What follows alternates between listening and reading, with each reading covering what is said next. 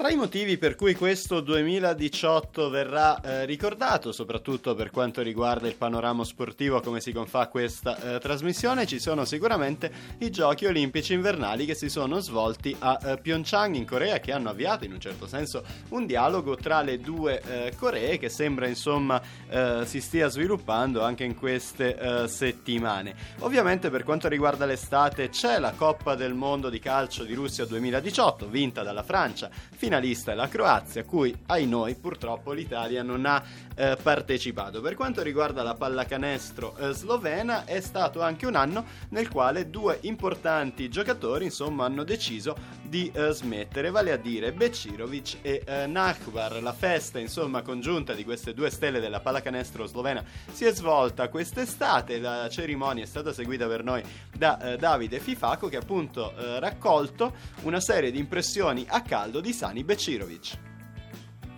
Una bella festa di pallacanestro quella a cui abbiamo assistito questa sera, insomma eh, hai avuto occasione di congedarti dal tuo pubblico? Assolutamente sì, è un sogno, uh, una idea che avevo da tanto tempo in testa, poi dopo quando si è diciamo, deciso anche Bocchi di, di, di smettere di giocare.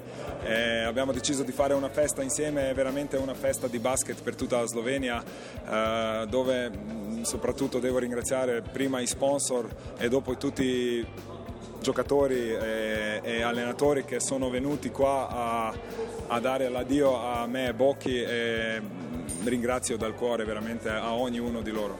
Beh, insomma, tante persone ti hanno dimostrato il loro affetto tra gli spettatori, ma direi anche tra i giocatori di basket, insomma, perché sono venuti un po' da tutto il mondo per omaggiarvi. Assolutamente sì, e questa è la vittoria più grande della mia carriera, perché vuol dire che ovunque sono stato avevo lasciato un pezzo di, di cuore, un pezzo di orgoglio, un pezzo di amicizia e vedersi dopo tanti anni eh, quando è partita la chiamata nessuno ci ha pensato due volte e tutti sono venuti a, a salutarmi qui davanti al mio pubblico.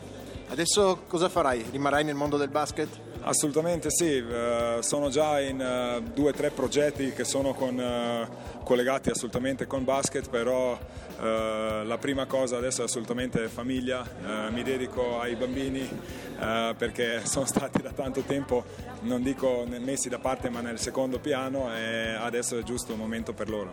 Beh, vorrei anche trovarci in Italia, no? immagino insomma. Assolutamente sì, siamo spesso là e vengo volentieri a vedere le partite. E sì, mi vedrete spesso in Italia.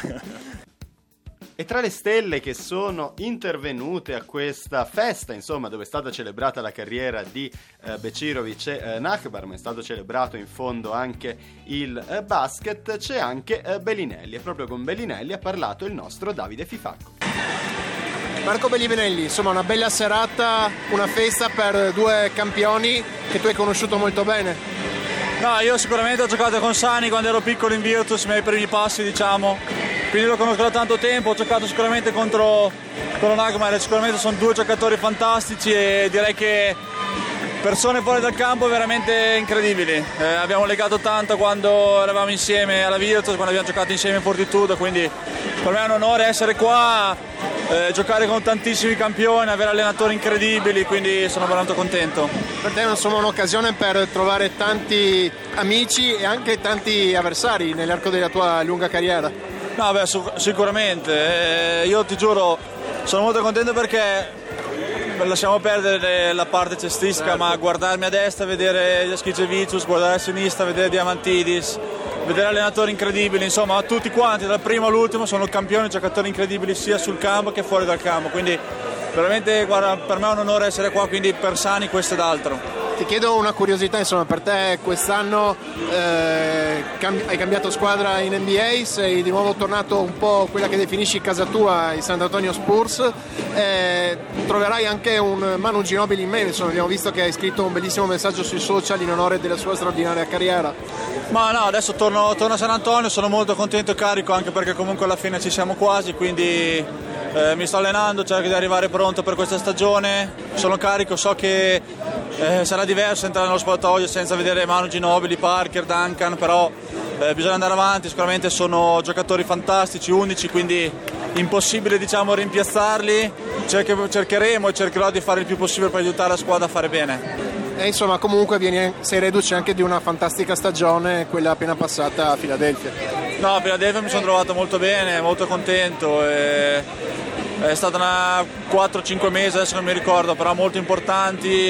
sono andato ai playoff, ho giocato una bella pallacanestro, però l'NBA è un mondo di business, quindi ora contento e carico per San Antonio. E parliamo allora, spostiamoci sul basket giocato, eh, parliamo delle due leghe adriatiche, cominciamo dalla